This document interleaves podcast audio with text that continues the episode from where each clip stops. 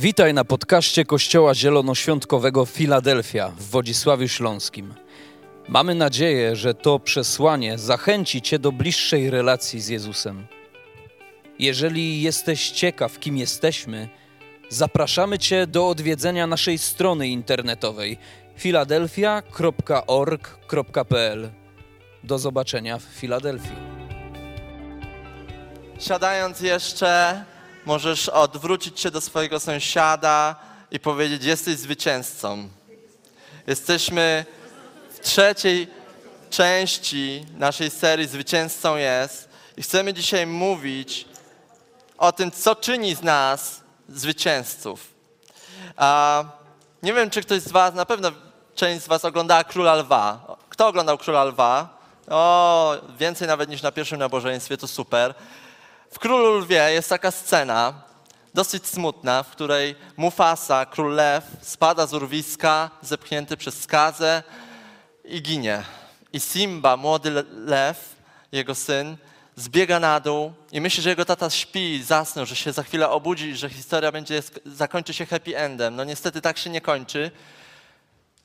I on myśli, że to, że jego tata zginął, to, że jego tata nie żyje, to jego wina, że okoliczności, które wokół się stworzyły, to wszystko jest jego wina. On tego nie rozumie, że to nie jest wcale jego wina, ale targany wyrzutami sumienia przez to, co, co się stało, przez to, że jego tata nie żyje, co robi Simba?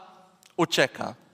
Ucieka i zaczyna żyć życiem kompletnie nieprzeznaczonym dla niego. Zaczyna żyć, a, ma żonę, ma małe lwiątka, wszystko jest super. On nie jest złym przestępcą, nie ma najgorszego życia, ale kompletnie nie żyje w miejscu, do którego jest przeznaczony. Przeznaczony był na to, aby objąć panowanie, objąć władzę i być królem, a tymczasem on ucieka, chowa się i żyje życiem kompletnie nieprzeznaczonym dla niego. I dlaczego Kościele o tym wspominam na początku? Dlatego, że tak wielu z nas w podróży z Panem Bogiem, w byciu chrześcijaninem, w służbie, wielokrotnie doświadczamy trudnych okoliczności, które przychodzą z zewnątrz i nie mają kompletnie czasami powodu, y, nie mają żadnego połączenia z nami. Nie są one wynikiem naszych decyzji, czasami po prostu coś się dzieje, ale my odbieramy to, że to przez nas, że po prostu to dzięki być może moim decyzjom to się wydarzyło, to jest konsekwencja może mojego jakiegoś upadku, mojego nieposłuszeństwa. Obarczamy siebie winą za coś, co nie jest naszą winą i zaczynamy żyć w miejscu, którym kompletnie Bóg nie przeznaczył nas do życia w tym miejscu. I, I zaczynamy wierzyć, że miejsce, w którym jesteśmy, jest naszym miejscem. A tymczasem Bóg przeznaczył nas do zwycięskiego życia, do życia, w którym będziemy odnosić zwycięstwa, do życia, w którym będziemy iść do przodu. Chciałbym, abyśmy dzisiaj przyjrzeli się historii dwóm osobom. Najpierw przypatrzymy się Piotrowi, później Natanaelowi i chcemy tak naprawdę odkryć, kim naprawdę jesteśmy w Chrystusie. Chcemy odkryć naszą prawdziwą tożsamość w Nim. A więc otwórzmy nasze Biblię na Ewangelii Jana, pierwszy rozdział. Od 35 wersetu zaczyna się ta historia. Nazajutrz znów stał Jan wraz ze swoimi dwoma uczniami. Wpatrując się w przechodzącego Jezusa, powiedział: Oto baranek Boży. Po tych słowach obaj uczniowie poszli za Jezusem. A gdy Jezus odwrócił się i zobaczył, że za nim idą, zapytał: Czego szukacie? Odpowiedzieli: Rabbi, to znaczy nauczycielu, gdzie mieszkasz? On na to: Chodźcie, to zobaczycie. Poszli więc i zobaczyli, gdzie mieszka, i tego dnia zostali już u niego. Było to około godziny 16. Andrzej, brat Szymona Piotra, był jednym z tych dwóch, którzy usłyszeli słowa Jana i poszli za Jezusem. Odszukał on najpierw swego brata Szymona i tak powiedział: Znaleźliśmy Mesjasza, to znaczy Chrystusa. Przyprowadził go też do Jezusa. Jezus zaś przyjrzał mu się uważnie i powiedział: Ty jesteś Szymon, syn Jana. Ty będziesz nazywał się kamień. W innych tłumaczeniach skała, to znaczy Piotr. To spotkanie z Jezusem jest niesamowicie, Piotra z Jezusem jest niesamowicie prorocze. Jezus zna dokładnie przyszłość Piotra. On wie, że Piotr nie będzie tym apostołem, który będzie bez grzechu, bez mm, źle podjętych decyzji, bez upadku. On wie, że on się go trzy razy zaprze na samym końcu. On wie, że będzie mieć mnóstwo porażek, upadków po drodze i że nie będzie doskonały, ale mimo wszystko Bóg przy pierwszym spotkaniu z Piotrem mówi do niego: Ty będziesz skałą, ty będziesz nazwany skałą. Skała jest czymś, czego nie da się rozerwać, nie da się tego złamać. Jest to coś mocnego, coś stabilnego. I Bóg w proroczy sposób mówi do niego już na samym początku znajomości: Ty będziesz skałą, ty będziesz tym, który będzie nie do pokonania. Ty będziesz tym, który będzie odnosił zwycięstwo, tym, który będzie silny, tym, który będzie mocny. I możemy zastanawiać się, dlaczego Bóg na początku nadaje mu nowe imię. Dlatego, że nowe imię, nadanie nowego imienia to proroczy znak Jezusa. To proroczy znak tego, co ma się wydarzyć na krzyżu. A krzyż jest miejscem, w którym to, co słabe, to, co pełne porażek, upadków i błędnych decyzji, jest zamienione na to, co silne, zwycięskie i nie do pokonania. Krzyż to jest miejsce zamiany. I Piotr, tak jak każdy z nas, miał swoje za uszami, miał mnóstwo źle podjętych decyzji. Spędził z Jezusem trzy lata, a i tak na samym końcu zaparł się go trzy razy. I w Ewangelii Jana dalej czytamy już, kiedy jesteśmy w momencie po śmierci Jezusa, kiedy Piotr już zaparł się go, kiedy już wiedział, że zawiódł na, na całej linii Jezusa i zaczyna wracać do swojej codzienności i zaczyna wierzyć w to, że Jezus już mu nie zaufa, że już zaprzepaścił wszystko, co mógł, całe zaufanie, całą wiarę. I czytamy tam w 21 rozdziale, potem Jezus znów ukazał się uczniom nad jeziorem Tyberiackim. Stało się to tak. Byli razem Szymon Piotr, Tomasz zwany Dydymos, Natanael z Kany Galilejskiej, synowie Zebedeusza i dwaj inni spośród jego uczniów. Szymon Piotr powiedział, idę łowić ryby. Jest to moment, w którym za chwilę ma się im ukazać Jezus, który zmartwychwstał, który pokonał śmierć, a tymczasem Piotr, targany wyrzutami sumienia, targany tym, co się wydarzyło tuż przed śmiercią Jezusa, mówi: Idę łowić ryby. On wraca do swojej codzienności, do swoich prozaicznych zajęć, do swojej pracy. Był zawodowo rybakiem, więc wraca po prostu tam, skąd przyszedł.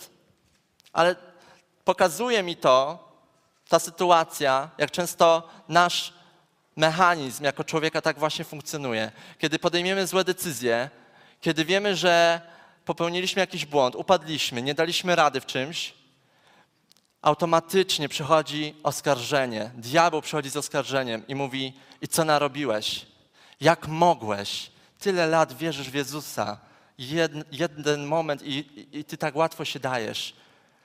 I zaczynamy być targani wyrzutami sumienia, oskarżeniem, poczuciem winy, i to doprowadza nas do momentu, w którym decydujemy się uciec w bycie zajętym, w bycie rozproszonym na tysiąc sposobów. Szukamy sobie zajęcia, przeglądamy Facebooki, wrzucamy coś na Instagrama, idziemy do pracy, sprzątamy, robimy zakupy. Wszystko tylko, żeby zagłuszyć dźwięk, który mówi, po prostu krzyczy w nas: Jak mogłeś to zrobić? Co ty najlepszego zrobiłeś? Wszystko to, co budowałeś, zaprzepaściłeś szansę. Teraz Bóg już ci nie zaufa. Diabeł przychodzi, aby oskarżyć z tym kłamstwem do naszego życia. I tak samo przyszedł do Piotra, dlatego Piotr po prostu poszedł łowić ryby. A naszym łowieniem ryb jest uciekanie w bycie zajętość, bycie zajętym. Natomiast tym, co my powinniśmy zrobić, jest nie uciekaniem w bycie zajętym, ale uciekaniem do ramion ojca, do taty, który powie ci, że jesteś zwycięzcą, że to nic, że z nim możesz pokonać każdą górę, każdy problem, który stoi na twojej drodze.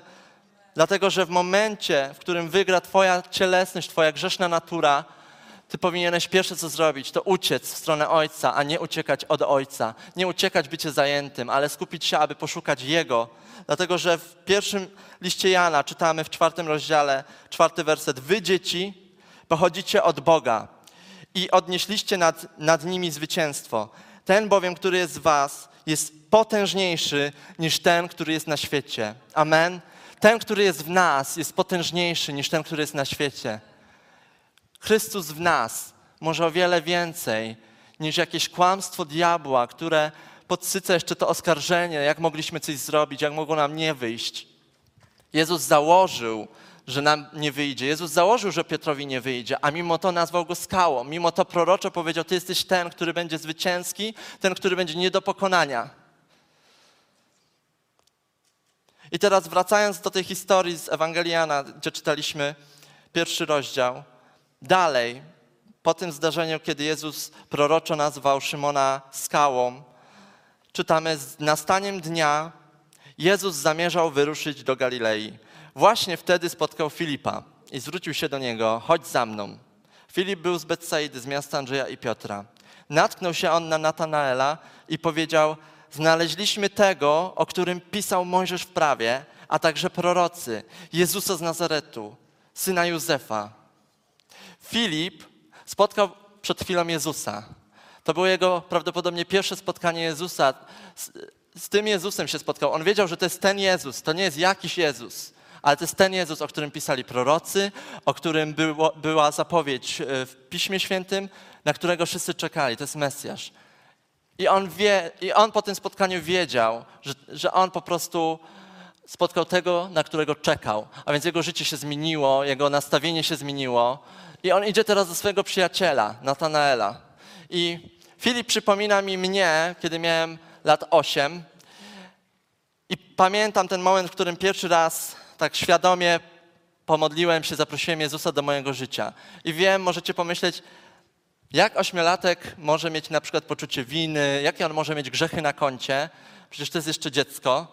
Ale uwierzcie mi, kiedy jest się ośmiolatkiem, to no, grzechy, jakie możesz mieć, to jest okłamanie mamy, to jest y, oszukanie y, kolegi, pobicie kolegi, to już w ogóle jest niesamowity grzech. Y, I po prostu to są takie właśnie grzechy na, na, na tym poziomie, ale pamiętam sytuację, w której gonił mnie dziewięciolatek. Koleś y, o coś się wkurzył, zaczął mnie gonić i groził, że mnie pobije, więc ja po prostu w mojej głowie to urosło do rangi teraz życie albo śmierć, za chwilę zginę, muszę się ratować.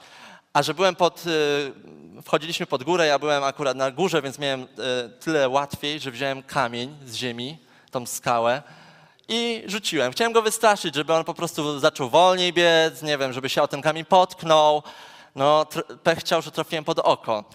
Zdążyłem uciec do domu oczywiście, no ale zadałem mu niesamowite cierpienie, tu miał rozcięte, krew się lała, później tata przyszedł do mojej mamy, miałem karę. Masakra. To był ten mój taki, wiecie, pamiętny moment, w którym pamiętam, że naprawdę wtedy myślałem, co ja najlepszego zrobiłem. I przychodzi moment, w którym spotykasz Jezusa. Ja mając 8 lat, mając 8 lat zaprosiłem Go do mojego życia, do mojego serca poprzez prostą modlitwę. I wiecie, poczułem naprawdę to odpuszczenie tych win, taką łaskę, to, że tamten moment też mi został przebaczony. I pamiętam, jak z tej radości, to wiecie, tak jak odpakujemy prezent i to jest trafiony prezent, na który po prostu czekaliśmy, który mega nam się podoba, cieszymy się i chcemy mówić o tym wszystkim. I wtedy w tamtym e, czasie była taka piosenka Cieszę się, Jezus zbawił mnie. I pamiętam, że puszczałem na pełną głośność w pokoju tą płytę, otwierałem okno i niech cały świat, niech całe osiedle słyszy, że ja się cieszę, bo Jezus mnie zbawił, bo Jezus mi odpuścił winy, tak? Później wychodziłem na dwór, a wszyscy się pytali, czemu takich dziwnych piosenek słuchasz, jakichś chórów, bo to TGD śpiewało w tamtych czasach, e, o co chodzi, więc ja wszystkim wtedy mówiłem jak ten Filip, słuchajcie, ja po prostu spotkałem Jezusa, zakochałem się, no jest mega, po prostu musicie też tego doświadczyć. I naprawdę wtedy nie liczyło się, co pomyślą o mnie inni. I Filip właśnie w tej historii jest taką osobą. I on spotyka Natanaela, swojego przyjaciela. I teraz, jaka jest reakcja Natanaela? Czytamy, że natknął się on na Natanaela i powiedział: Znaleźliśmy tego, o którym pisał Mojżesz w prawie, a także prorocy, Jezusa z Nazaretu. A Natanael odpowiedział: Czy z Nazaretu może być coś dobrego? To była pierwsza odpowiedź Natanaela. Nazaret? Ty w ogóle słyszałeś o Nazarecie? Nazaret nie był w tamtych czasach ani stolicą, nie zasłynął, mieszkańcy Nazaretu nie zasłynęli w szczególny sposób, aby się po prostu chwalić teraz, że pochodzisz z Nazaretu. Wiecie, to, to raczej była taka miejscowość, do której nikt nie przyjeżdżał. To nie była miejscowość na liście, 10 e, miejscowości, które musisz zwiedzić, tak? Musisz je odwiedzić w przyszłym roku. To nie była taka miejscowość. Tutaj ktoś mówi jak Wodzisław. Nie no, aż tak to nie. E, myślę, że ta tożsamość, która wynikała z tego, że Natanel wychował się w Nazarecie i, i przez lata i, i przez pokolenia tam te stereotypy o tych mieszkańcach i miejscowości były po prostu wtłaczane każdemu i oni przyjęli tą tożsamość, że nic dobrego z tej miejscowości nie pochodzi, tak? Wszyscy tutaj grzeszą, same porażki, żadnego, wiecie, nie ma tam mistrza świata w, żadnej, y, w żadnym sporcie, w niczym, po prostu nikt słynny z tej miejscowości nie pochodzi i nagle spotyka się z przyjacielem i on mu mówi, spotkałem tego Jezusa, on jest z Nazaretu. I Natanael to, co robi, to na początku odrzuca Jezusa z Nazaretu. On mówi, Nazaret? Czy coś dobrego może być z tego miasta? I on nie odrzuca Jezusa, tak myślę, z powodu tego, że on nie uwierzył w Jezusa, że to jest Syn Boży, że on nie uwierzył w cuda, które może Jezus dokonać. Ale on biorąc tą wielkość Boga, biorąc to, że Jezus jest tym, o którym mówiła Biblia, a więc jest Synem Bożym i biorąc pod uwagę Jego samego, Jego grzeszną naturę, Jego grzeszność, te porażki, nie mógł w żaden sposób tego przyrównać. Nie mógł w żaden sposób postawić równa się pomiędzy Jezusem z Nazaretu, a Nim z Nazaretu. Ale wiecie, mając taką właśnie tożsamość jak Natanael, my często również w naszym życiu utykamy w naszym własnym Nazarecie. Bo Nazaret to jest stan, w którym myślisz, że już nic dobrego z Twojego życia nie wyjdzie. Że już jesteś na przegranej pozycji, że już w życiu tyle Ci razy nie wyszło, że już nie ma szansy, żeby kolejny raz udało się. Jesteś w miejscu, w którym myślisz, że Ty już swoje najlepsze lata przeżyłeś, albo jesteś w miejscu, w którym myślisz, że może nie miałeś rodziców, nie miałeś jednego rodzica i myślisz, nic dobrego z mojego domu nie wyszło, więc i ze mnie również nic dobrego nie wyjdzie. Nazaret to jest stan umysłu, w którym często mieszkamy, w którym po prostu nasza tożsamość się tam buduje i to jest miejsce, do którego absolutnie nie przeznaczył nas Chrystus. To jest to miejsce, w którym właśnie jesteśmy tak jak Simba, który uciekł, żyje dobrym życiem, nie jest jakimś przestępcą, ale kompletnie nie żyje w miejscu, w którym Bóg chce, aby on był. I Nazaret bierze się stąd, że słyszymy opinie ludzi, to co my powinniśmy, a czego nie powinniśmy. Powinniśmy skończyć tą szkołę, powinniśmy iść na te studia, powinniśmy zmienić pracę, albo powinniśmy bardziej się starać o podwyżkę, a powinniśmy już mieć męża i żonę, a powinniście już mieć dzieci, a powinieneś już mieć dom i samochód, i powinieneś to, i powinieneś tamto. I w pewnym momencie my, my myślimy po prostu, co my tylko powinniśmy, a czego nie powinniśmy wedle innych ludzi, i ta tożsamość jest zaburzona. Żyjemy w oparciu o opinię innych ludzi, w oparciu o to, co człowiek nam mówi. I to jest Nazaret. To jest stan umysłu, który nazwiemy Nazaretem.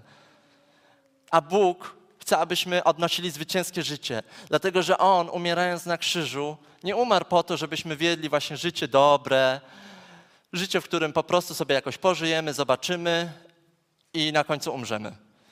On po prostu dał się przybić do krzyża kiedy wisiał tam, to widział każdego z nas i mówił: Powołuję Cię, abyś był zwycięzcą, abyś był skałą, abyś był tym, który będzie nie do pokonania. Nawet jeżeli nie uda Ci się raz, to nie rezygnuj. To nie rezygnuj, dlatego że ostatnio zobaczyłem taki mm, obrazek, na którym było takie działanie i to mega mnie też zainspirowało do tego kazania. Jeden oznacza ciebie. Więc jeden do potęgi 365 dni w roku to jest dalej jeden. Ty do 365 e, do potęgi 365 to dalej ty. Ale ty który decyduje się zrobić codziennie jeden krok w kierunku zmiany. Codziennie jeden krok w kierunku tego, że nie wyszło mi tamtym razem, ale teraz mi wyjdzie. Z Bożą łaską jesteś w stanie robić małe kroki każdego dnia. I wiecie co?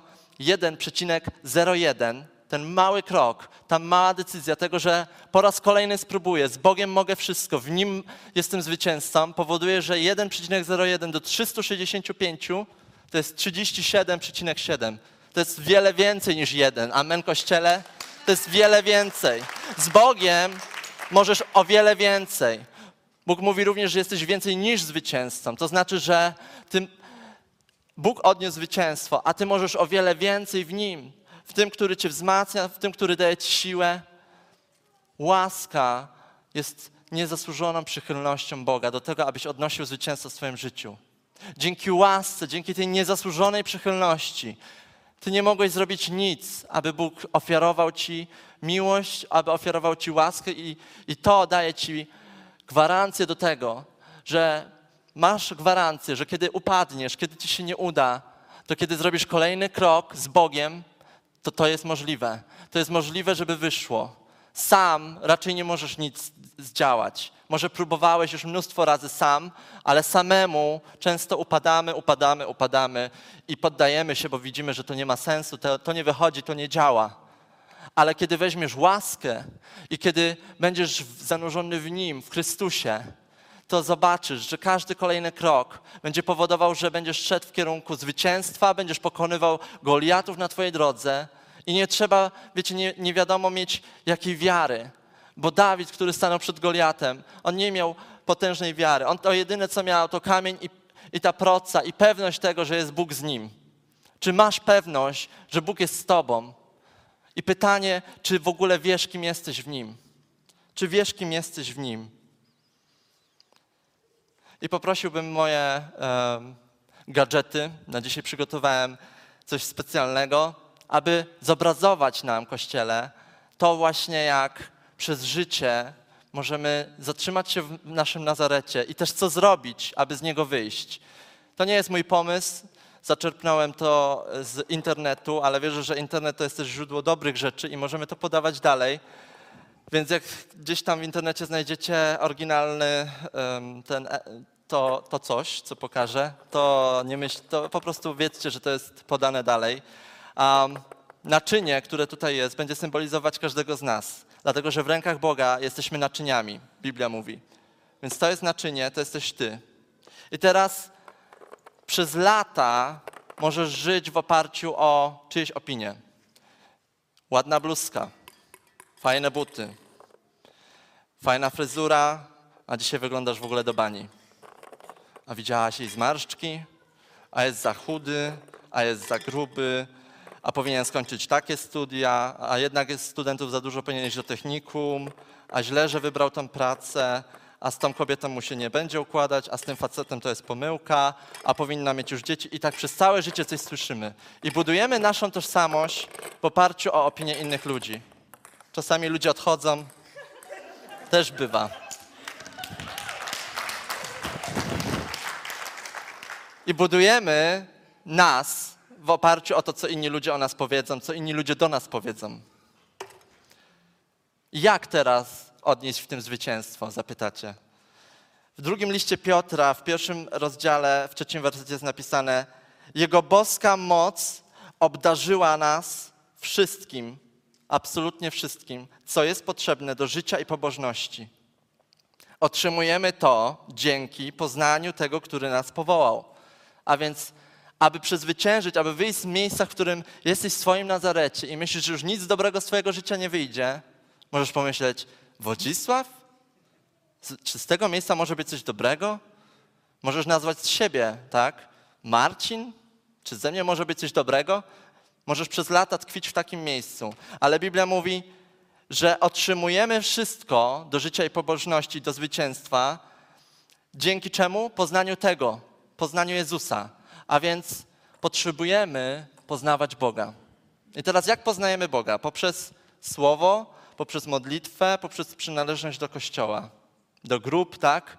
Mniejsze grupy to też Bóg tak, wiecie, nas uwalnia i uzdrawia na poziomie relacji. Nasze deficyty leczy e, po prostu re, przez relacje. Ktoś po prostu przychodzi i wypełnia deficyt akceptacji tym, że nas akceptuje.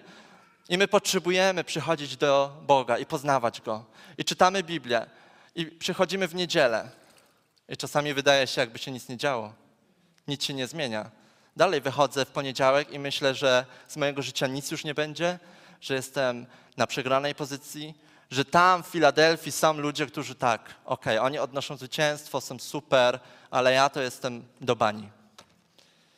Ale wiecie, to co dobre wymaga systematyczności. To tak jakbyśmy oczekiwali efektów po jednym dniu diety albo po jednym razie na siłowni. Nic się nie zmienia. Ale kiedy przychodzimy do Boga, spędzamy czas z Nim, przychodzimy do Filadelfii, służymy tutaj, mamy relacje z ludźmi, to nagle zaczyna się w nas coś zmieniać. Pozwalamy, aby Chrystus wypełniał nas i naszą tożsamość. I wygląda to tak. Tylko jest jeden problem, że my często w tym momencie, co myślimy? Jestem już lepszy, zmieniłem się, już nie mam z tym problemu i z tamtym problemu, więc przestajemy. I teraz co się dzieje w momencie, w którym przestajemy? Jesteśmy takim naczyniem, w połowie napełnionym przez Bożą tożsamość, w połowie jeszcze mamy mnóstwo opinii ludzi i, i tego, jak oni myślą o nas. I wtedy nic się tak naprawdę też nie dzieje. Ludzie widzą nas trochę jak hipokrytów. W niedzielę mówimy, Bóg jest dobry, super, cały czas i cały czas Bóg jest dobry, amen. Ale w poniedziałek żyjemy tym, że jesteśmy za chudzi, że powinniśmy tak zrobić, a powinniśmy to zrobić i żyjemy w oparciu o to, co inni ludzie nam przez lata mówili, przez stereotypy, generalizowanie, przez nasze upadki, błędne decyzje. A Biblia przecież mówi, że On dał nam wszystko, co jest nam potrzebne do życia i pobożności, do tego, abyśmy zwyciężali. Amen? A więc my potrzebujemy ciągle to powtarzać. A więc potrzebujemy ciągle uczestniczyć w nabożeństwach, w czytaniu słowa, w modlitwie i dawać się napełniać. Bo wtedy, kiedy dasz się napełnić, to zobacz, co się dzieje. Już nie będzie miejsca na opinie innych, na tą tożsamość, którą masz z tego, że słuchałeś przez lata kogoś, kto mówił ci, jak masz żyć, kim jesteś. I wtedy pozwalamy Kościele na to, aby to On, Chrystus, wypełnił naszą tożsamość, wypełnił nas. I kiedy przyjdzie znowu wróg i użyje tych kłamstw, i użyje tych opinii ludzi, to zobaczcie, co się dzieje. One tylko mogą pływać po powierzchni. Jak bardzo bym się starał, one już tam się nie zakorzenią, dlatego że jestem wypełniony Bożą tożsamością, tym, że Bóg jest zwycięzcą, a ja w Nim jestem więcej niż. Amen? W Nim, Kościele, możemy pokonywać największe góry, największe szczyty, problemy, które stają nam na drodze. I zapraszam już zespół, za chwilę będziemy wyznawać tą nową piosenkę, w której jest, że zwycięstwo jest tylko w Nim. Tylko w Bogu mogę być zwycięzcą. I to, co diabeł, to, co zły chciał zamierzyć, aby nas pokonać, w Jego rękach jest zawsze wykorzystane na Bożą chwałę. Bóg może wykorzystać nawet te najgorsze sytuacje w Twoim życiu, te najgorsze słowa do tego, aby kiedy On Cię przemieni i wypełni, aby Twoja historia miała znaczenie dla kogoś innego, abyś Ty wypełniony przez Chrystusa mógł iść i podawać tą historię dalej innym ludziom, którzy potrzebują tego, dlatego że są jeszcze w tym miejscu, w którym Ty byłeś przed przed spotkaniem Boga. I chcę Was w Kościele zachęcić do tego, abyście nie słuchali ludzi, w tym sensie, abyście nie swoją tożsamość nie budowali na tym, co mówią inni. Dlatego, że Biblia mówi bardziej niż człowieka. Słuchaj Boga, słuchaj mnie. Ja jestem tym, który Cię stworzył najcudowniej na świecie. I kiedy wisiałem na krzyżu, to wisiałem i widziałem Ciebie i i wiecie, kiedy on mówił, wykonało się, to tak naprawdę mówił, warto było za ciebie umrzeć. Warto było, dlatego że to przyniesie ci zwycięstwo, to przyniesie ci przełom, to przyniesie ci łaskę, która pomoże ci stawiać kolejny krok. To pomoże ci stawiać kolejny krok. I wiecie, i później możemy naprawdę te piłki na pierwszym nabożeństwie, tak powiedziałem, to, to powtórzę, wsadzić sobie gdzieś, tak brzydko powiem. Naprawdę, dlatego, że będzie liczyć się to, co mówi o nas Chrystus, to, co powiedział o nas Bóg, kiedy poznasz Jego tożsamość, to, kim Ty jesteś. Czy wiesz, kim Ty jesteś w Bogu? Czy wiesz, kim Ty jesteś? Poświęcaj czas na to, aby poznać Boga. Poświęcaj czas na bliskie spotkania z Jezusem. To one przemieniają. Wiecie, to nie, to nie super wydarzenie, to nie super nabożeństwo, chociaż są super i naprawdę cieszymy się, że tu jesteśmy, ale to bliskie spotkania z Jezusem zmieniają nas od wewnątrz. To, kiedy pozwalamy po prostu Bogu się wypełnić, pozwalamy wypełnić te wszystkie braki, te wszystkie deficyty w naszym życiu, bo często ludzie nie odrzucają nas z powodu tego, że po prostu, nie wiem, nas nie lubią. Oni nie odrzucają nas, bo chodzi o nas. My często myślimy, że nas odrzucali z naszego powodu, ale wiecie dlaczego ludzie odrzucają? bo mają deficyt, bo mają deficyt akceptacji, mają deficyt miłości i oni sobie z tym nie radzą i dlatego odrzucają drugą osobę. Dlatego, a my myślimy, że to nasza wina, że to ze mną coś jest nie tak. Kościele, złammy to myślenie. Chrystus chce nas wypełnić i pokazać nam, że te nasze deficyty, to co miało być bronią złego, On może obrócić ku dobremu. Amen. Powstańmy teraz, Kościele, i oddajmy Bogu chwałę i wyznajmy to nad naszym życiem, że to, co w rękach złego miało być złe i przynieść nam szkodę, w Jego rękach może przynieść nam zwycięstwo i do tego zostaliśmy powołani. Amen? Amen.